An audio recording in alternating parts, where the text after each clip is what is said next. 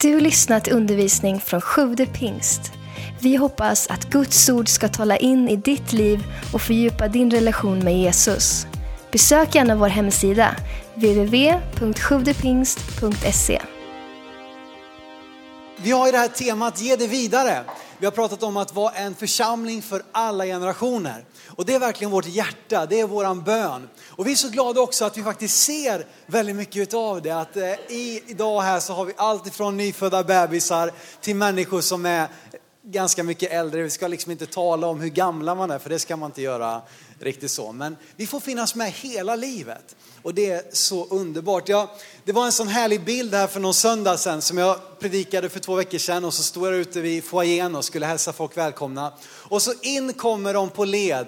Först lilla Miriam som är, jag ska inte gissa hur många år hon är, men hon är inte så många år. Sen kom mamma Anna-Karin och så mormor Miriam. De kom på leder, tripp, trapp, trull. Eh, och så kom de tillsammans till Guds hus för att fira gudstjänst. Det var en sån härlig bild, nästan som, det blev nästan som en profetisk hälsning på något sätt. Att vi får finnas med alla de här generationerna och fira gudstjänst tillsammans. Och i det här så är det så viktigt hela tiden att ge det vidare. Ehm, och det jag skulle vilja fokusera på idag, det är just det här med växlingen. För vi inser det att, att jag tror att vi alla är med på att vi vill vara en församling för alla generationer, för alla åldrar.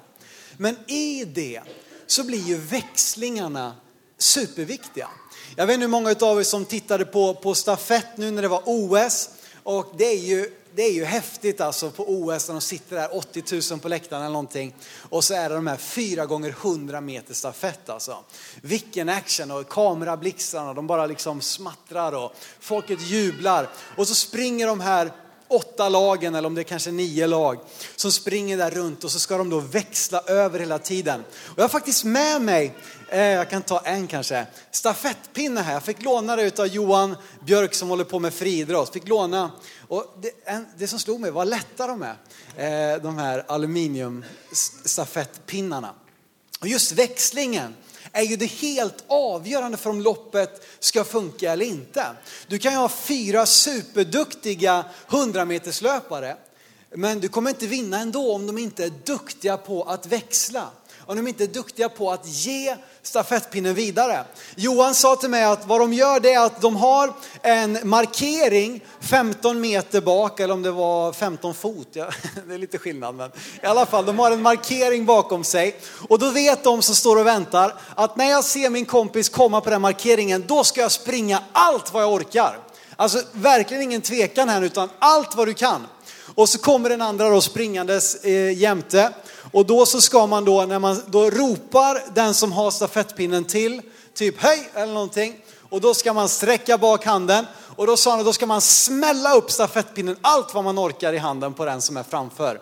Så att den fattar, nu ska jag ta den och så springer man vidare. Och så har man bara en visst eh, utrymme för växlingen. Du får inte springa halva loppet tillsammans liksom. Ah, hallå nu då, men ta den nu då, hallå ta den. Nej, det måste ske innan den främre markeringen så måste växlingen ha skett. Ehm, och det här är så viktigt också i Guds församling. Vi ska läsa ett bibelord från andra Timoteus brev ehm, kapitel 2 om just detta med att växla vidare. Paulus här nu eh, skriver till sin adept, till sin lärjunge, till sitt andliga barn Timoteus. Och han håller på att förbereda honom för att kliva in i ett utökat ledarskap, i ett större ansvar. Han vet att hans tid här på jorden är snart slut. Och han vill sätta upp Timoteus så bra han bara kan. Så att han också ska kunna ge det vidare. Andra Timoteusbrev kapitel 2, vers 1 och 2.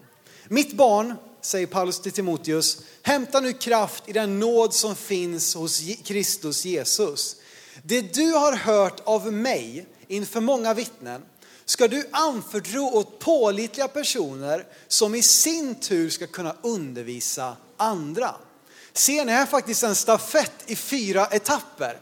Vi har Paulus som har undervisat eh, Timoteus. Timoteus ska anförtro det åt pålitliga människor som i sin tur ska kunna undervisa andra. Det finns en stafettväxling där det är så viktigt att inte bara bygga sitt eget hus, sitt eget varumärke, sitt eget namn, utan att sätta upp nästa generation. Och jag tänker faktiskt på Guds församling. Att Guds församling är som en lång stafett. Det har gått från generation till generation genom alla tider. Så har det lämnats över till en ny generation. Och där den växlingen har misslyckats så kan man ibland ha förlorat hela generationer. För att sedan någon på egen hand fått återupptäcka det långt efteråt. Men det hade varit mycket bättre om det hade fungerat, om man hade gett det vidare tillsammans Eh, till nästa generation. Vi ska se det här, hur detta faktiskt finns också nedlagt i femte Mosebok ska vi läsa, kapitel 6. Så ska vi se detta, hur Gud redan där han liksom då, det här är ju under ökenvandringen eh, och folket, Israels folk får lagen utav Gud eh, och de får lära sig hur de ska kunna umgås med Gud, hur de ska kunna följa Gud. Och så får de också se att ansvaret ligger hos dem att ge det vidare till nästa generation. Femte Mosebok kapitel 6, vers, 7, eh, vers 4 till 7. Det står så här, här kommer nu först judarnas trosbekännelse. Detta, hör Israel, Herren vår Gud, Herren är en. Och du ska älska Herren din Gud av hela ditt hjärta, av hela din själ och av hela din kraft. Dessa ord som jag idag befaller dig ska du lägga på hjärtat.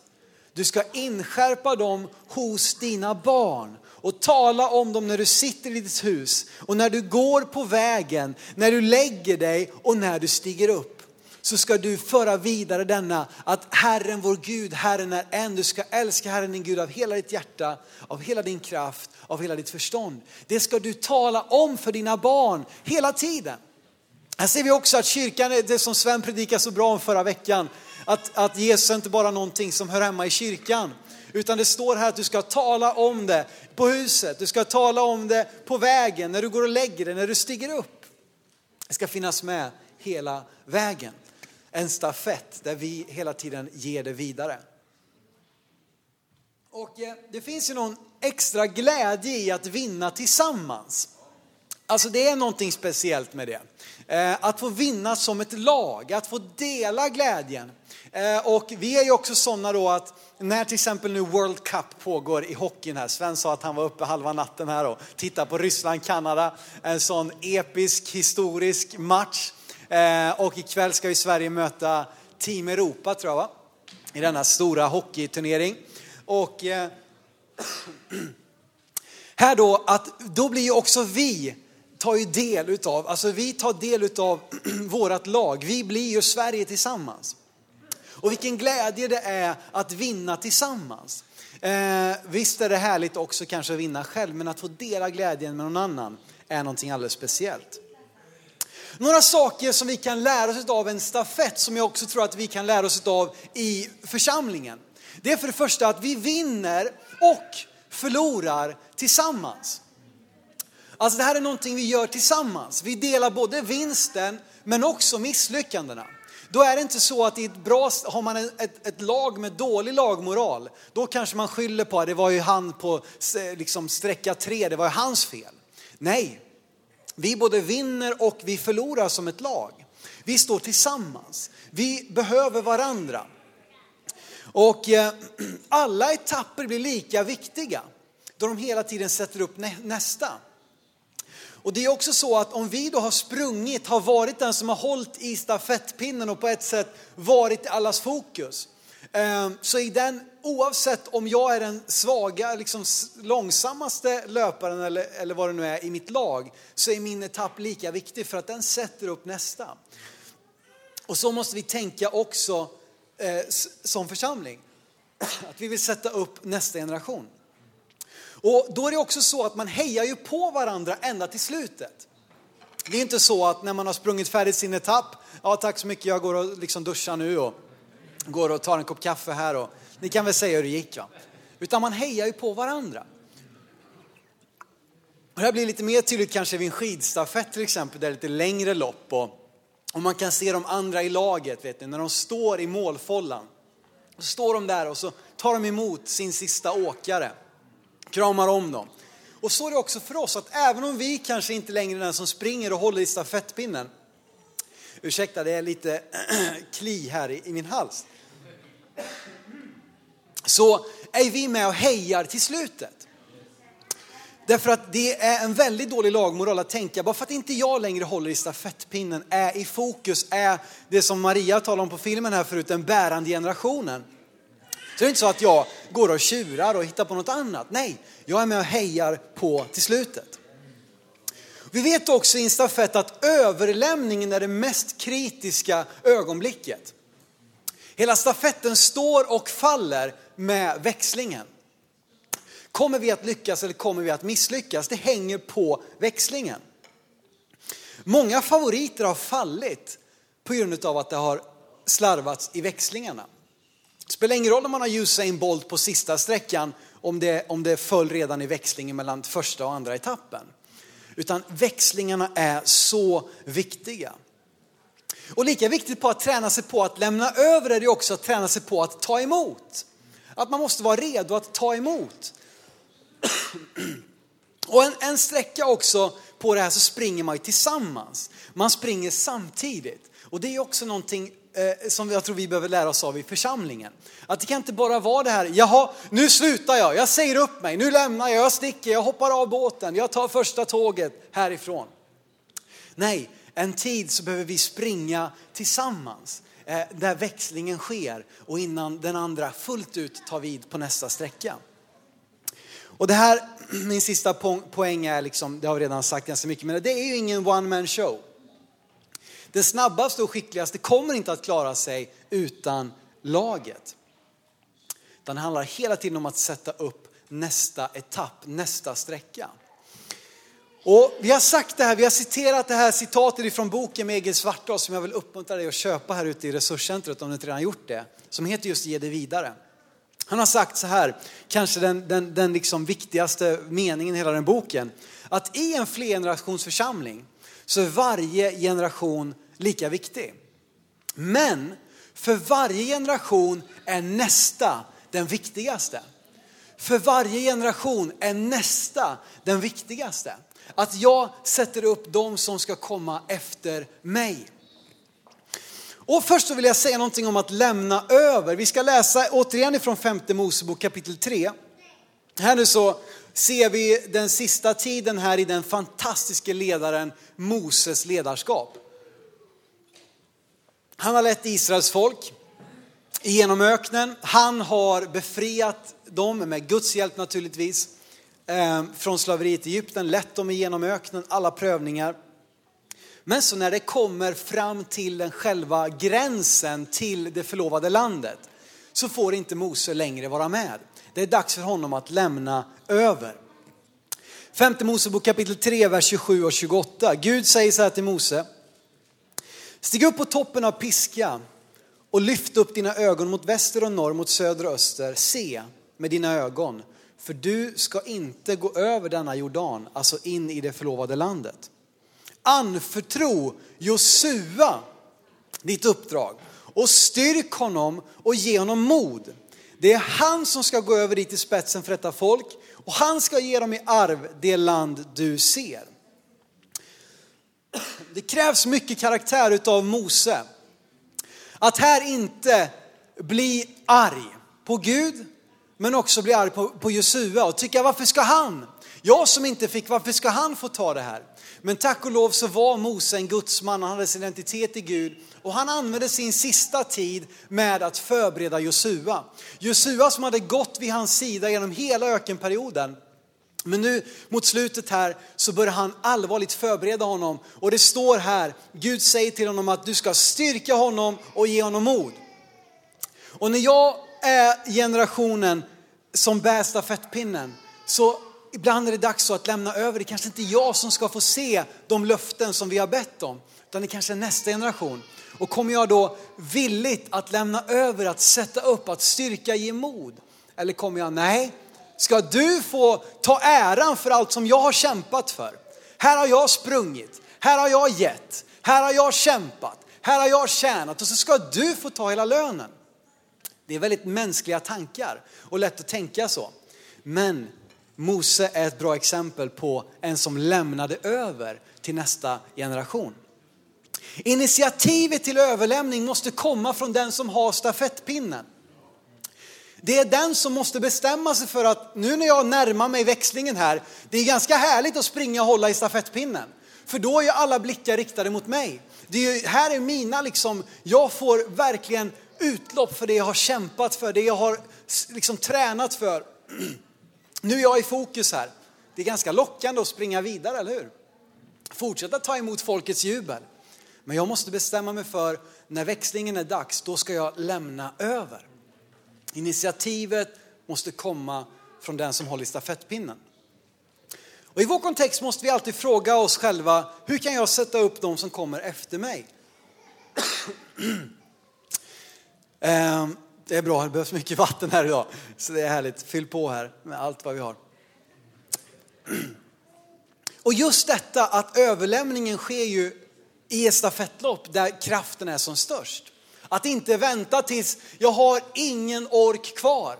Alltså jag, jag, liksom man får krypa fram till växlingsstationen. Det är ingen bra taktik, då kommer laget att tappa fart.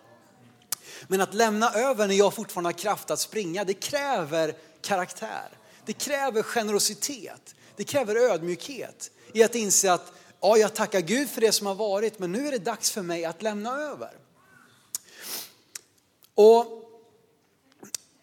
Annars kan det bli så att man till slut tvingas att lämna över. Det blir ett ofrivilligt överlämnande för att man är helt enkelt inte kapabel att längre springa. Och tyvärr så ser vi det för ofta tror jag i våra församlingar, att man, man är osäker på de som kommer efter och, och man, man, man kanske har lite, ibland lite felaktiga motiv, man har, ett, man har ett kontrollbehov, man har svårt att släppa kontrollen. Och så springer man så länge att till slut så tvingas man lämna över och kanske är det så illa att det inte ens finns någon att lämna över till. De stod ju och väntade, de var redo vid växlingsstationen för 5, 10, 15 år sedan. Men de blev förbisprungna och de har hittat en ny, ett nytt lag, en ny stafett att springa eller kanske gett upp matchen helt. Och de som kommer efter kommer att springa annorlunda än mig. Det är ingen som har, alltså det är lite kul att se på löpstilar. Någon som kommer ihåg Michael Johnson som hade det här härliga eh, rekordet på 200 meter 1932, OS i Atlanta 1996, så sprang han 1932.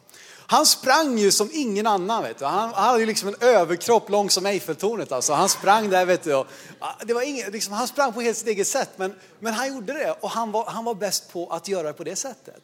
Och den som kommer efter och den som sprang före har förmodligen lite annan löpstil. Men vi har ju samma mål. Eh, det betyder inte att det ena är bättre eller sämre, det betyder bara att det är annorlunda. Eh, och om jag bara, nej hallå, om, du, om jag ska lämna ut till dig då måste du springa som jag. Alla ska springa som Michael Johnson för han har världsrekordet. Det funkar inte så. Han hade en unik stil. Men att lämna över. Och det är lätt att vara positiv när man själv är i centrum. Ja, nu är allting härligt för det är jag som är i centrum. Det är jag som påverkar det mesta. Men att, att också vara det när man har fått lämna ansvaret, huvudansvaret till någon annan. Det kräver stor karaktär. Och därför måste församlingens fortsatta framgång vara alltså min största passion oavsett om det är jag som håller i ratten eller inte.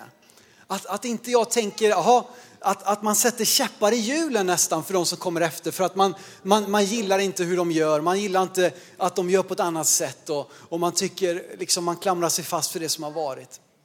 Men att tvärtom se den fortsatta framgången som sin största passion. Och att lämna över, lyssna nu, att lämna över betyder inte att lägga av. Hör vad jag säger. Det betyder inte att jag ska checka ut. Ah, nu, är det, nu är min tur över, nu sticker jag. Nej, i en stafettlag, det finns många funktioner. Någon kan stå och ta, liksom stoppa, eh, ta stopptiderna. Någon kan stå och, och ge liksom vätska om man nu tänker en, en skidstafett. Stå längs med loppet och, och ge liksom energidryck på vägen till den som just nu löper. Man kan stå bredvid och heja på, heja, heja, heja. Liksom sista nyckeln, kom igen nu, nu kör vi. Man kan vara där och backa upp de som just nu är i rampljuset utan att man har lagt av. Man är fortfarande en del av laget, men mitt ansvar, min funktion är lite annorlunda. Och därför betyder det inte att lämna över att lägga av. Man kan ge tips, man kan ge råd, man kan valla de där skidorna som de ska byta vid, vid andra varvet. Man kan vara där och vara en del av laget även om det inte just nu är jag som allas blickar riktas emot.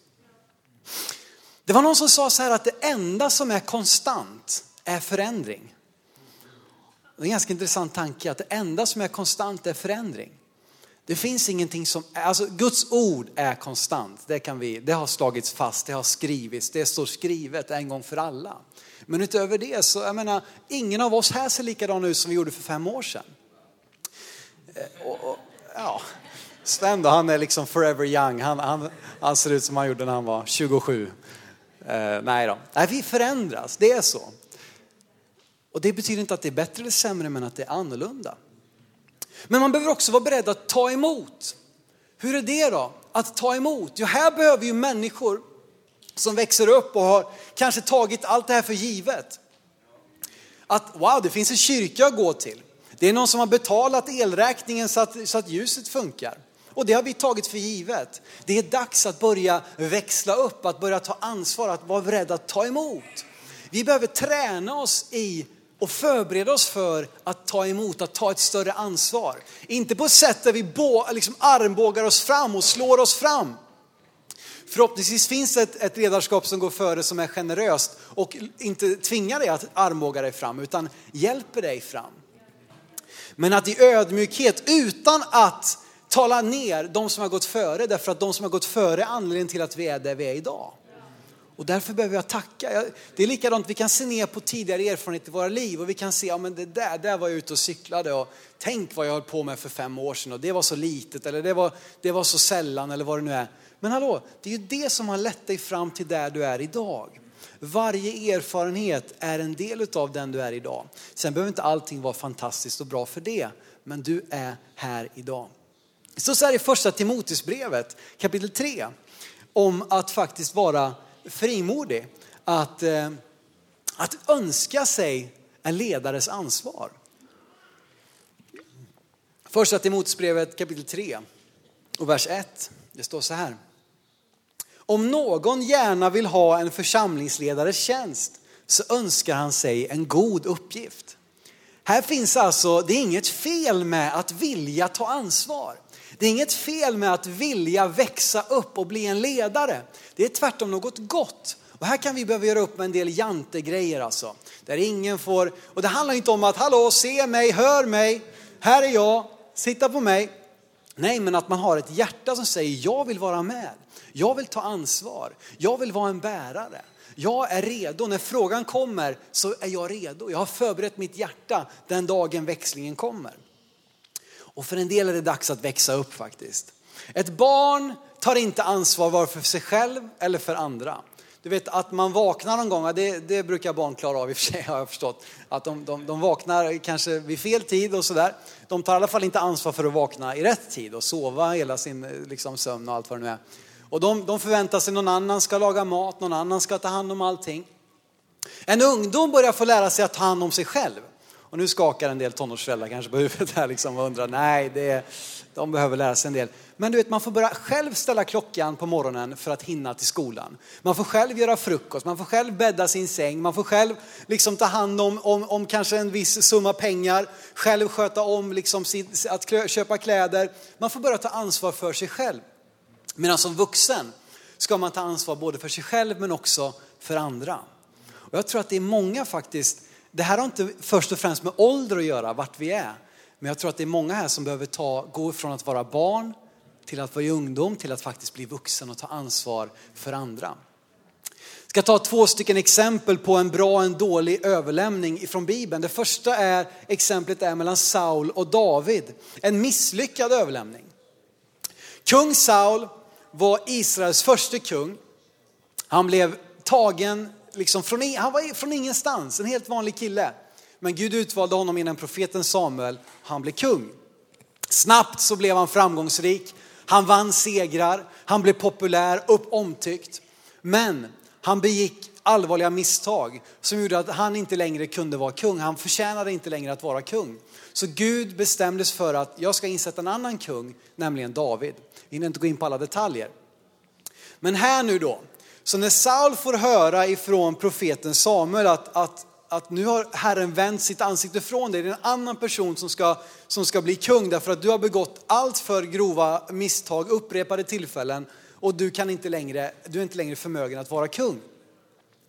Då kunde ju Saul ha påmint sig om vart han var för ett antal år sedan. Att han kom från ingenstans. Det var bara tack vare Gud som han var där han var. Om han hade insett det, vem som är givaren till hans eh, auktoritet, till hans inflytande, att det är Gud, så skulle han ju också varit beredd att okej, okay, jag har begått misstag. Det är dags för mig att stiga åt sidan. Men makten hade stigit honom åt huvudet. Positionen, han krampade sig fast vid den. Och istället för att börja förbereda David som Gud hade utvald, David som ju blev också framgångsrik och omtyckt och uppskattad, Ehm, så börjar han tvärtom bli avundsjuk. Det står att när det gick väl för David så blev Saul rädd. Han såg en uppväxande generations framgång som ett hot emot sig själv istället för en välsignelse. Att det finns någon som är redo att ta vid där jag inte längre ska springa. Och det här är så viktigt för oss att inte se det som ett hot när någon eh, växer fram, när någon har framgång. Eh, men han gjorde det och han började förfölja David. Han försökte till och med döda David. Eh, ett, ett fruktansvärt exempel på överlämning. Det var ju ingen överlämning och det var det som var problemet. Men vi ser också Davids fantastiska inställning i detta att han tar sig aldrig makten själv. Och det är någonting som vi behöver lära oss också. Det är gott att önska sin församlingsledares eh, ansvar och uppgift. Men vi ska inte armbåga oss fram, vi ska inte ta makten själva och liksom rycka den till oss. David hade alla anledningar att roffa åt sig makten. Han hade kunnat gjort det så lätt därför att folket älskade honom. Han hade flera tillfällen faktiskt till och med att döda Saul för att han var inom hans räckhåll. Men han gjorde inte det för att han visste att det är Gud som upphöjer. Det är Gud som bestämmer, det är Gud som strider för mig. Och det är något vi kan lära oss av David. Men överlämningen var katastrofal. Och det som sker också är att det Saul lämnar efter sig den dagen faktiskt han och Jonathan och några till av hans söner dör i striden på Gilboa berg. Så lämnar han efter sig ett rike i splittring. Visst, David blir kung, det har Gud redan bestämt. Men tack vare att inte Saul har gjort en bra växling så försöker också en annan av hans söner ta makten, Isboset. Och en av Sauls överbefälhavare tar hans parti och det blir en splittring, det blir ett inbördeskrig i landet.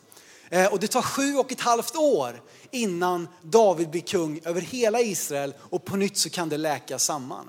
Och det är det som sker tror jag när överlämningarna inte går rätt till. När inte den föregående ledaren eller generationen sätter upp den andra så blir det splittring. Eh, på, som kanske kunde undvikits om det hade varit ett tydligt överlämnande. Om Saul hade sagt att nu ska David bli kung. Jag vill att ni alla backar upp honom. Jag vill att vi ska gå här sida vid sida en tid. Eh, jag har liksom tacksam för den här tiden, eh, men nu vill jag hjälpa David in i det han ska kliva in i för att jag inser att det är Guds vilja. Eh, så hade det förmodligen inte blivit det inbördeskriget och sju och ett halvt år utav splittring.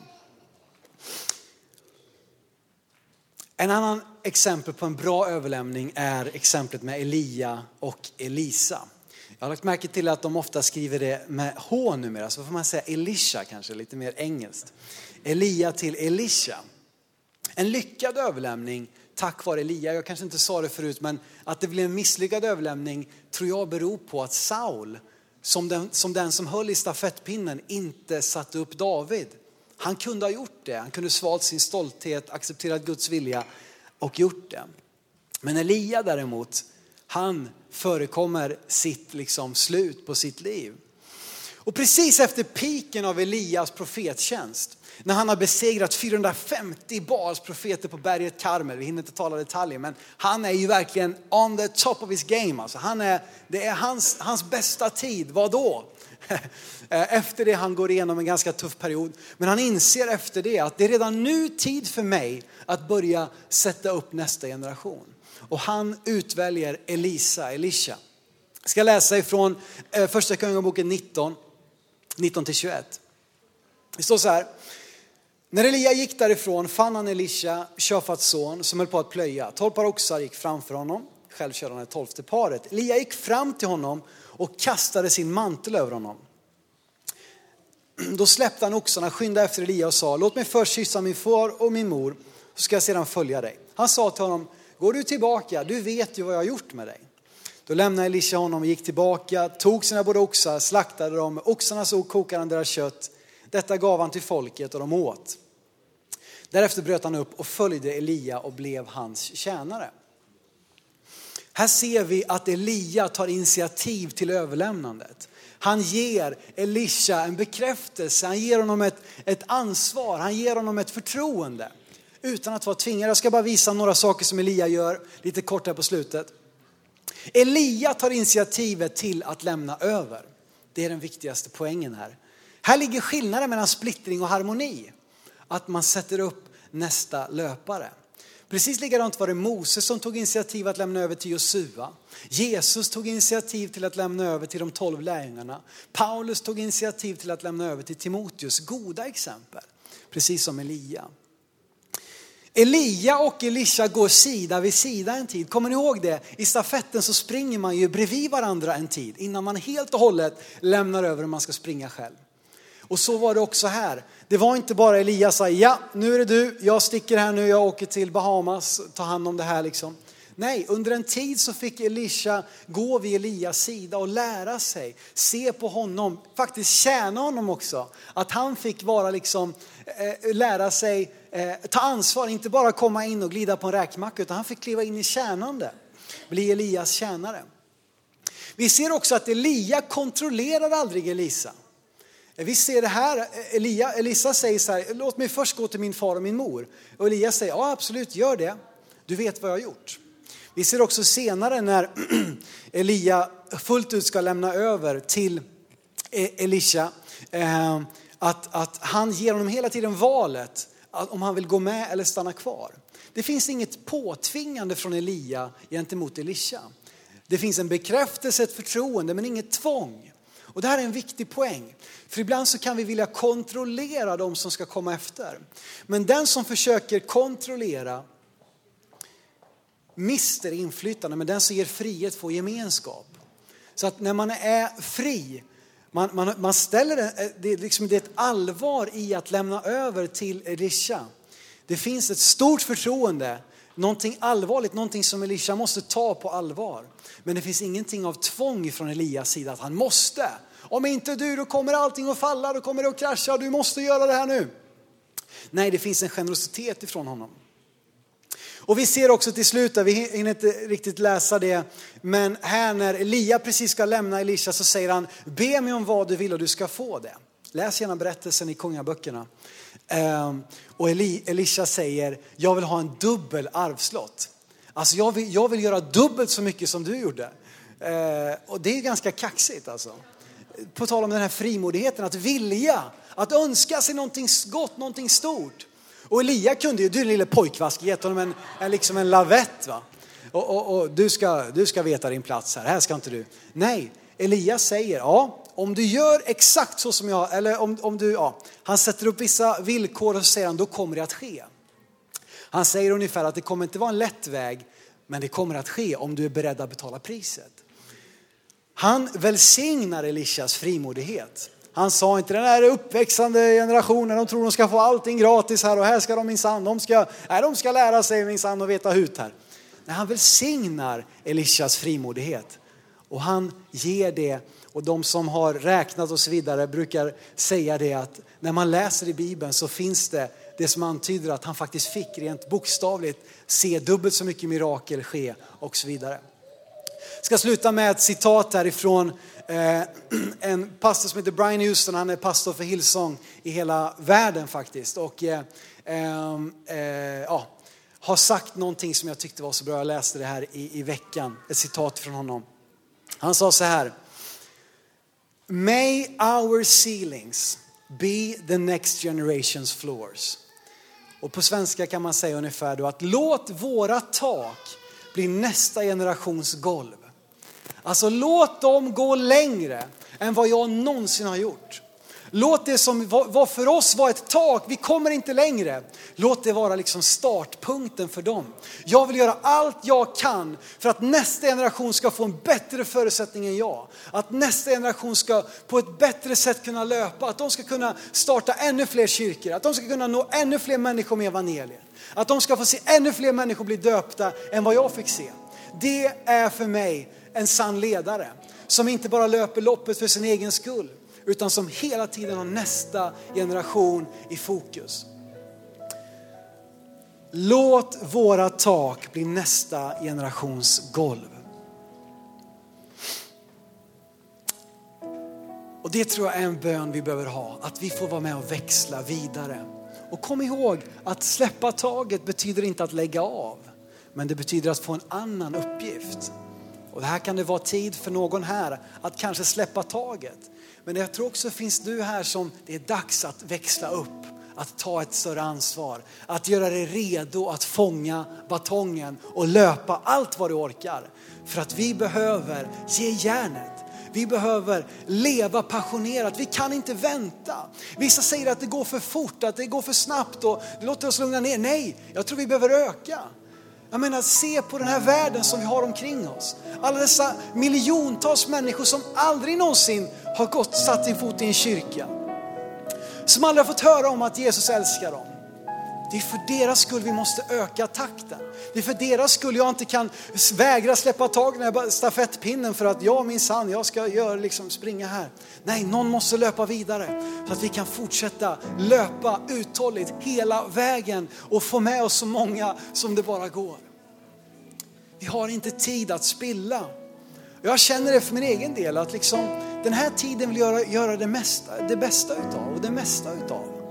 Att varje säsong i livet, att vi gör vårt absolut bästa för att låta det få bli en tid som bär frukt för Guds rike, som ser till att människor kommer närmare Jesus och inte längre bort ifrån honom. Låt våra tak bli nästa generations golv. Tack för att du lyssnat. Glöm inte att du alltid är välkommen till vår kyrka.